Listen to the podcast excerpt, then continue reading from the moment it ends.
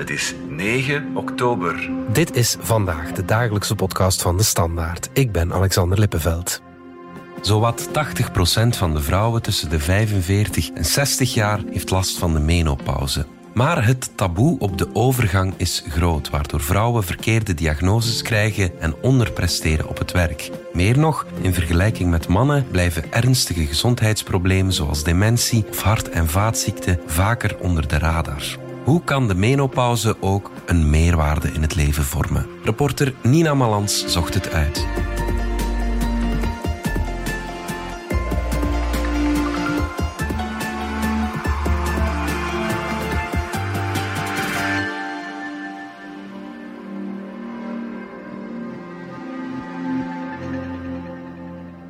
Veel nachtelijks zweten, vermoeidheid, slecht slapen. Heel rode wangen op het moment dat ik ongesteld werd. Hot flesjes die had ik niet overdag, maar wel s'nachts. Heel vervelend. Soms word ik wakker met zo stijve handen, stijve vingers. Vapeurs, paniekaanvallen, me echt slecht voelen, heel hard vermageren. Ik dacht echt op een ogenblik van help, wat nu?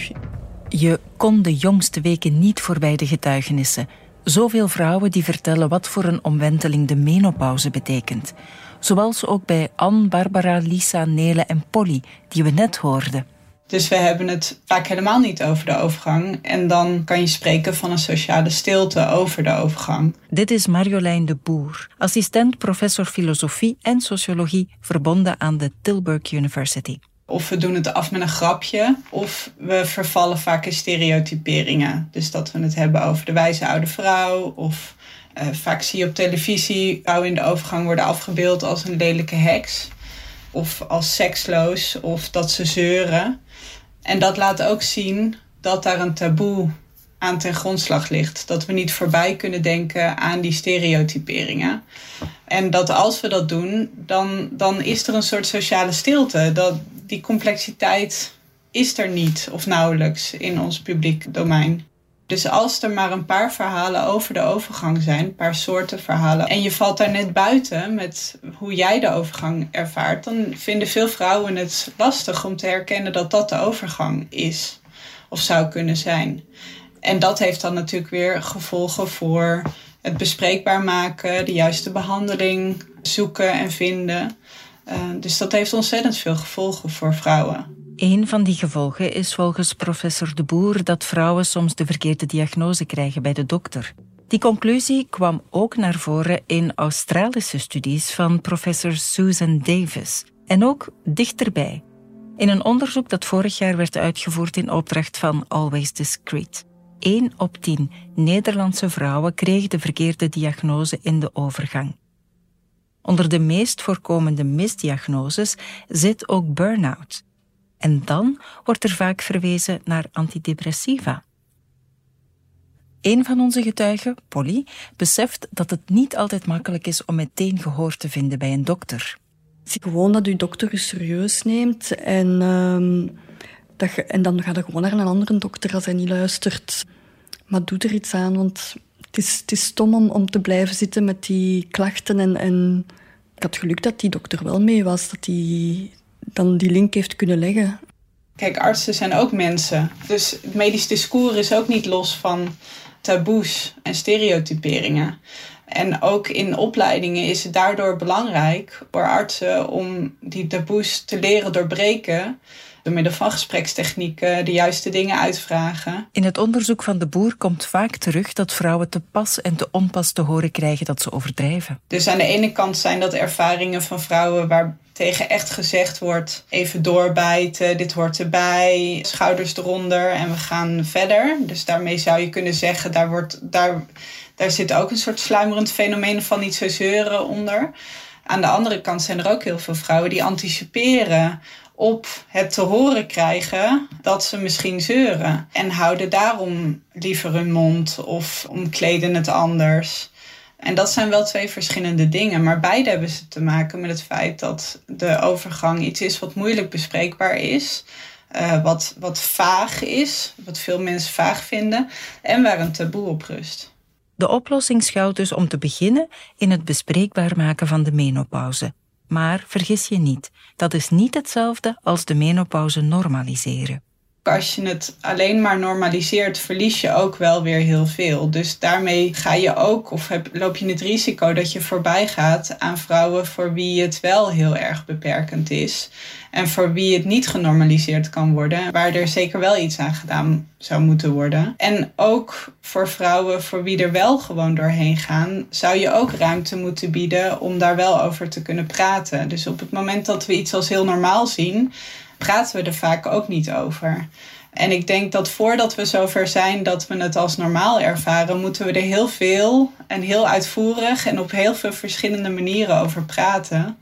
Want anders heb je kans dat het weer opnieuw in een taboesfeer terechtkomt, juist omdat je het normaliseert. Taboes hebben ook zo hun gevolgen op het werk. Ik heb een aantal keren ook echt in, in business meetings gezeten, dat ik echt ja, van, die, van die hot flashes had. We luisteren even naar Anne. En dat ik zoiets had van, voert, ik zeg dat gewoon. Hè. En, en ik zat er dan te, te wuiven met, met kaartjes en, en zo met wat, wat fristen aan toewerpen. En, en dat ik ja, duidelijk aangaf dat ik kon meegeven waarom dat, dat was. Dat je sommige mensen zeer ongemakkelijk ziet reageren. Het taboe leidt niet alleen tot verkeerde diagnoses, maar ook tot onderpresteren op het werk. Volgens Sophie Lamaire van Securex, dat het afgelopen jaar samen met de Universiteit van Gent uitgebreid onderzoek deed naar de overgang op de werkvloer, geeft meer dan de helft van de vrouwen met menopauzeklachten aan dat ze er ook effectief hinder van ondervinden tijdens het werken. Dus we zien dat die vrouwen eigenlijk op het einde van een werkdag een pak minder energie over hebben dan andere medewerkers. Een tweede parameter is de burn-out score. Dus die vrouwen doen het een pak slechter, scoren een pak slechter op de burn-out vragenlijst. Betekent niet dat al die vrouwen daarom een burn-out hebben betekent wel dat ze slechter scoren. En dat is ook natuurlijk niet zo vreemd als je weet wat typische menopausale klachten zijn. Zoals slecht slapen, weinig energie, concentratieproblemen. Um, zo zijn mood swings die ook vaak gelinkt worden aan burn-out. Dus we kunnen er eigenlijk wel van uitgaan dat een aantal, een pak vrouwen die nu in de statistieken zitten van de burn-out, misschien eigenlijk juister zitten met de diagnose, zeg maar, menopauze. En een derde parameter waar zij het slechter doen, dat zijn de ziekmeldingen. Dus we zien dat in die groep vrouwen het percentage ziekmeldingen ook wel hoger ligt. Dus dat het ook wel een impact heeft op het al dan niet kunnen werken. Kunnen werkgevers hier iets aan veranderen? De work-life balans is het allerbelangrijkste, zegt Lamaire. Een haalbare werkdruk, voldoende autonomie en zo verder. Maar er is meer. Een tweede belangrijke hefboom heeft eigenlijk te maken met wat wij noemen sociaal kapitaal. Sociaal kapitaal van de organisatie zegt iets over het gemeenschapsgevoel, uh, vertrouwdheid en vertrouwen tussen mensen en ook een gevoel van rechtvaardigheid. En we zien ook dat de vrouwen die daar een goede score op geven ten aanzien van hun werkplek, dat die ook minder hinder ondervinden van die menopausale klachten. Dus er is ook wel ergens een link met je op je gemak voelen op je werkplek, openheid, jezelf kunnen zijn. En eigenlijk ja, meer of minder hinder te hebben. Wat ook niet zo vreemd is eigenlijk als je weet als je misschien met een bepaalde transparantie ook dingen kunt bespreekbaar maken, kan je ook makkelijker naar oplossingen zoeken. En dan zien we ook een aantal werkkenmerken die eerder te maken hebben met de fysieke werkomgeving. Zeg maar eh, temperatuurregeling, toegang tot frisse lucht. Dus hoe beter dat dat geregeld is, hoe minder dat ook de werknemers eh, hinder ondervinden. Dus dat zijn dan de zaken waar je als werkgever kunt inzetten op aangepaste werkkledij, uh, ervoor zorgen dat vrouwen, ze nood hebben aan even frisse lucht, dat ze een raam kunnen openen openzetten, dat ze even naar buiten kunnen gaan. Hè. Dat heeft dan vooral impact op die zeg maar, vasomotorische klachten, hè, de opvliegers en de warmteopwellingen, waar dat die andere factoren, work-life balance en uh, sociaal kapitaal, en het bespreekbaar kunnen maken, ook vooral inzetten op de emotionele component, het, eh, het, zeg maar, het, de stressregulatie. Dan gaan we er even vanuit dat er een open klimaat op de werkvloer is, ook over de overgang. Maar in de praktijk ziet dat er vaak anders uit. Volgens Lamaire geeft maar 12% van de vrouwen aan dat het onderwerp bespreekbaar is op het werk. Maar er is nog altijd de geneeskunde. Professor Herman de Pieperen, hoofd van de menopauzekliniek van de UGent en auteur van de boeken Menopauze en Menopauze Menostart, gelooft in de kracht van behandeling. Maar eerst gaan we er even uit voor reclame. Stop. Wie zit er nog met vragen? Vragen als elektrisch laden, hoe doe ik dat eenvoudig? Slim? Voordelig? Ontdek al onze laadoplossingen op maat. Want bij Engie willen we dat iedereen mee is. Engie, al onze energie gaat naar jou. Een werkgever heeft er alle belang bij om de menopauze van ouder wordende werknemsters serieus te nemen. Daar is professor Herman de Pieper van overtuigd. Uit Amerika zeiden ze, ja, menopausale vrouwen, hè, dat kost veel, dat, dat, dat, dat. Maar wij zeggen, ja, maar kijk, als je het omgekeerd doet en je maakt dat ze goed behandeld zijn, worden ze inderdaad de beste werknemster, die dan nog meest verbindend zijn en met de sociale vaardigheid en bepaalde zaken die jonge mannen niet hebben. Dus uiteindelijk, er is een meerwaarde creëren. Met goed behandeld bedoelt de gynaecoloog wel degelijk goed medisch behandeld. Zijn onderzoek, dat hij samen dus met Securex uitvoerde, toont aan dat vrouwen die een behandeling krijgen minder afwezig zijn en minder burn-outs krijgen dan de zogenaamde referentiepopulatie. En dat zijn jonge mannen. Nu, een behandeling kan verschillende vormen aannemen. De medische voorgeschiedenis, de levensstijl en de voorkeur van de vrouw spelen allemaal een rol in welke behandeling naar voren wordt geschoven. Ik zou geen angst hebben om een behandeling, hormoonbehandeling te nemen. Een van die mogelijke behandelingen is hormoontherapie. Ik had al een aantal vriendinnen die daarover spraken. Behandeling niet, nee. Ik ben vooral ingesteld op natuur. Ze zeggen, dit is gewoon een natuurlijk proces. Ik had er wel wat schrik van, in de zin dat ik nogal gevoelig ben aan hormonen. Dan heeft hij mij hormonen voorgeschreven en dat was precies of dat uh, het licht terug aanging. Ik denk ook wel dat je ook met jezelf moet bezig zijn. Tijd voor jezelf te nemen, te lezen, um, te ontspannen. Vooral met progesteron heb ik nogal veel last gehad in het begin. Dus dat was niet zo evident om dat te doen. Hormoontherapie sleept sinds een grote studie uit 2002 een kwalijke reputatie met zich mee. Hormonen werden er gelinkt aan ernstige gezondheidsproblemen. Later bleek dat de studie onvoldoende nauwkeurig geïnterpreteerd werd. Lage dosissen hormonen zijn heel effectief voor vrouwen met een gezonde levensstijl, zo blijkt. En mits een vrouw goed medisch gescreend en begeleid wordt, is de angst voor hormoontherapie onterecht, zegt de pieperen. Uiteindelijk, als je nu kijkt dat de mortaliteit met 30% minder is, de ja, uiteindelijk gepleegd geen roofbouw, uiteindelijk maakt je dat je lichaam met de cyclus uiteindelijk waar ze zo goed mee is, dat je dat gewoon bestendigt. Net zoals dat bij de man is. De man zegt niet van, oei, ik ben nu 52 jaar en ik kijk ik nog al mijn hormonen, pleeg ik geen roofbouw op mijn lichaam. nee. We leven langer. En dat maakt dat wij nu systematisch ja, een derde van ons leven in de menopauze komen, terwijl bij de man blijft de hormoonproductie op peil totdat hij sterft. Want we denken altijd dat hormonen alleen dienen voor de voorplanting en de seksualiteit, maar hormonen hebben een heel brede impact op alle weefsels. Hè. Dus de hormonen hebben honderden processen die zij orchestreren. De botaanmaak en botafbraak wordt hormonaal bepaald door uw oestrogeen. Kortom, hormonen zijn nuttig voor het lichaam. Van bloedvaten, botten tot de hersenen. Heb je aanleg voor ziektes die een versnelde afbraak van belangrijk weefsel met zich meebrengen, dan kan en zal de menopauze dat proces versnellen. Met een hormoonbehandeling kun je het tegengaan en het afbraakproces normaliseren. Hetzelfde met de huid, hetzelfde met uw haar, uh, hart- en bloedvaten, maar ook uw hersenen. Dat hebben we nu gezien in die studie, dat uiteindelijk bepaalde mensen dragen een eigenschap, dus ApoE4. Als ze dat hebben, daar heb je geen last van. Je voelt dat niet, je weet dat niet. Maar we hebben wel gezien in die studie dat als je de menopauze zit, als die bescherming van die hormonen wegvalt, dat de afbraak van de hersencellen enorm versnelt. We hebben ook aangetoond dat als je op een korte periode dus die hormonen heeft, dat die versnelde afbraak dat eigenlijk volledig normaliseert. Dus dat zijn zaken die je niet voelt, waar je absoluut geen last hebt. En je hebt natuurlijk een gigantische reserve aan neuronen, maar op een bepaald moment, als je die versnelde afbraak blijft aanhouden, dan komt er wel in een deficit. En dat is ook de reden waarom dat Alzheimer-dementie veel meer voorkomt bij vrouwen dan bij mannen. Het komt 60% meer voor bij de vrouw dan bij de man. Een potentieel gezondheidsprobleem dus. En niet het enige. Er is toch een, een duidelijke trend van in de menopauze meer accumulatie te krijgen van abdominaal vet.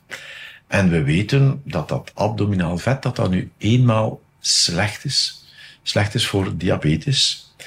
uh, slecht voor hart- en bloedvatenziekten, maar ook slecht voor borstkanker. Dat is onze bedoeling, dat we zeggen, kijk, dat we die, die knik in de gezondheid, dat we dat willen ombuigen, dat, dat, eigenlijk, dat iedere vrouw een goede gezondheid heeft en dat iedere vrouw een ja, een langer autonoom leven kan hebben. Evolueren we dan naar een situatie waarin vrouwen van rond de 50 een algemene check-up krijgen om prille indicatoren op te sporen en vervolgens preventief te behandelen? Dat zou de, de ideale geneeskunde zijn, want ligt nu, als we kijken, alles dat we doen in de geneeskunde, je moet duizend mammografieën doen om er drie, vier vrouwen uit te halen. Dat wil zeggen 996 amzonst. Hè? Dus dat is toch een enorme inspanning. En dus, dat moet beter kunnen. Hetzelfde met cholesterolverlagende medicatie bij vrouwen. Wordt veel voorgeschreven. Als je kijkt naar gerandomiseerd onderzoek bij vrouwen tussen de 50 en de 60 jaar, heel weinig voordeel. Dus we moeten meer zeggen, kijk, wie zijn dan de vrouwen die, als ze dat hebben van cholesterol, moeten behandeld worden? Toch is een standaard hormoonbehandeling geen goed idee, vindt de pieperen.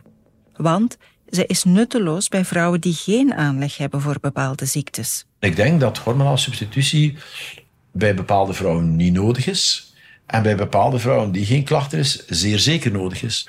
Ik denk dat we moeten afstappen voor one fits all. Het moet geïndividualiseerd worden. Dus uiteindelijk ook iedere vrouw zogezegd hormonen geven om dementie te voorkomen. Dan gaat 80% van de vrouwen nutteloos behandelen, want die gaan waarschijnlijk geen dementie doen. Maar die 20%, dat zijn de drivers die die hebben 6 tot 12 keer. Dus 600 tot 1200 keer meer, eh, procent meer kans. Als je die target van in het begin, dat zijn de vrouwen die gaan winst boeken. Dus we moeten veel, veel meer geïndividualiseerde geneeskunde doen. Marjolein de Boer, nog eens tot slot, ijvert toch ook om de menopauze niet alleen vanuit een medische hoek te benaderen. Ook de aanvaarding van ouder worden en een positieve mindset zijn belangrijk, zegt ze. Als we het hebben over de overgang, eh, zijn we heel erg geneigd om het te zien binnen een biomedisch discours. Dus dan gaat het over de overgang als, als ziekte. Dus in toenemende mate wordt de, de overgang gemedicaliseerd. En dat is ook niet slecht, want heel veel vrouwen hebben last van de overgang en zijn op zoek naar een passende uh, medische behandeling. Daar is vooral in de jaren negentig heel veel kritiek op gekomen vanuit feministische hoek. Die zegt van de overgang is niet alleen maar een ziekte, maar kan ook als iets positiefs ervaren worden.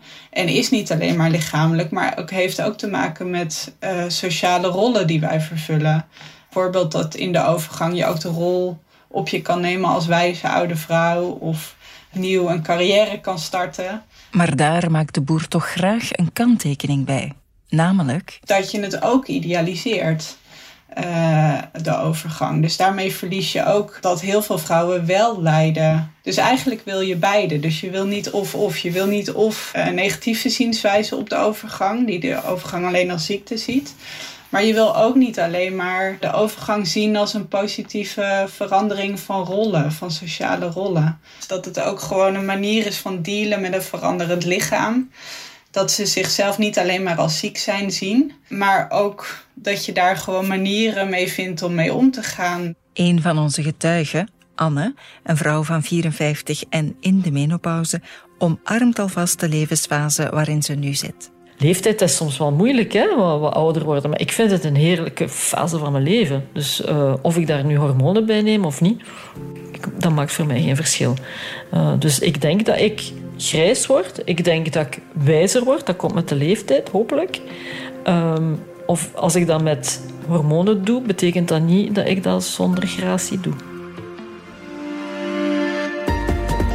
Dit was vandaag de dagelijkse podcast van de Standaard. Bedankt voor het luisteren. Volg ons op Spotify, Apple Podcast of eender welk ander podcastplatform. Of download de vernieuwde app DS Podcast, waar je ons werk en de beste luistertips van onze redactie terugvindt. Alle credits van de podcast die je net hoorde vind je op standaard.be-podcast. Reageren kan via podcast.standaard.be.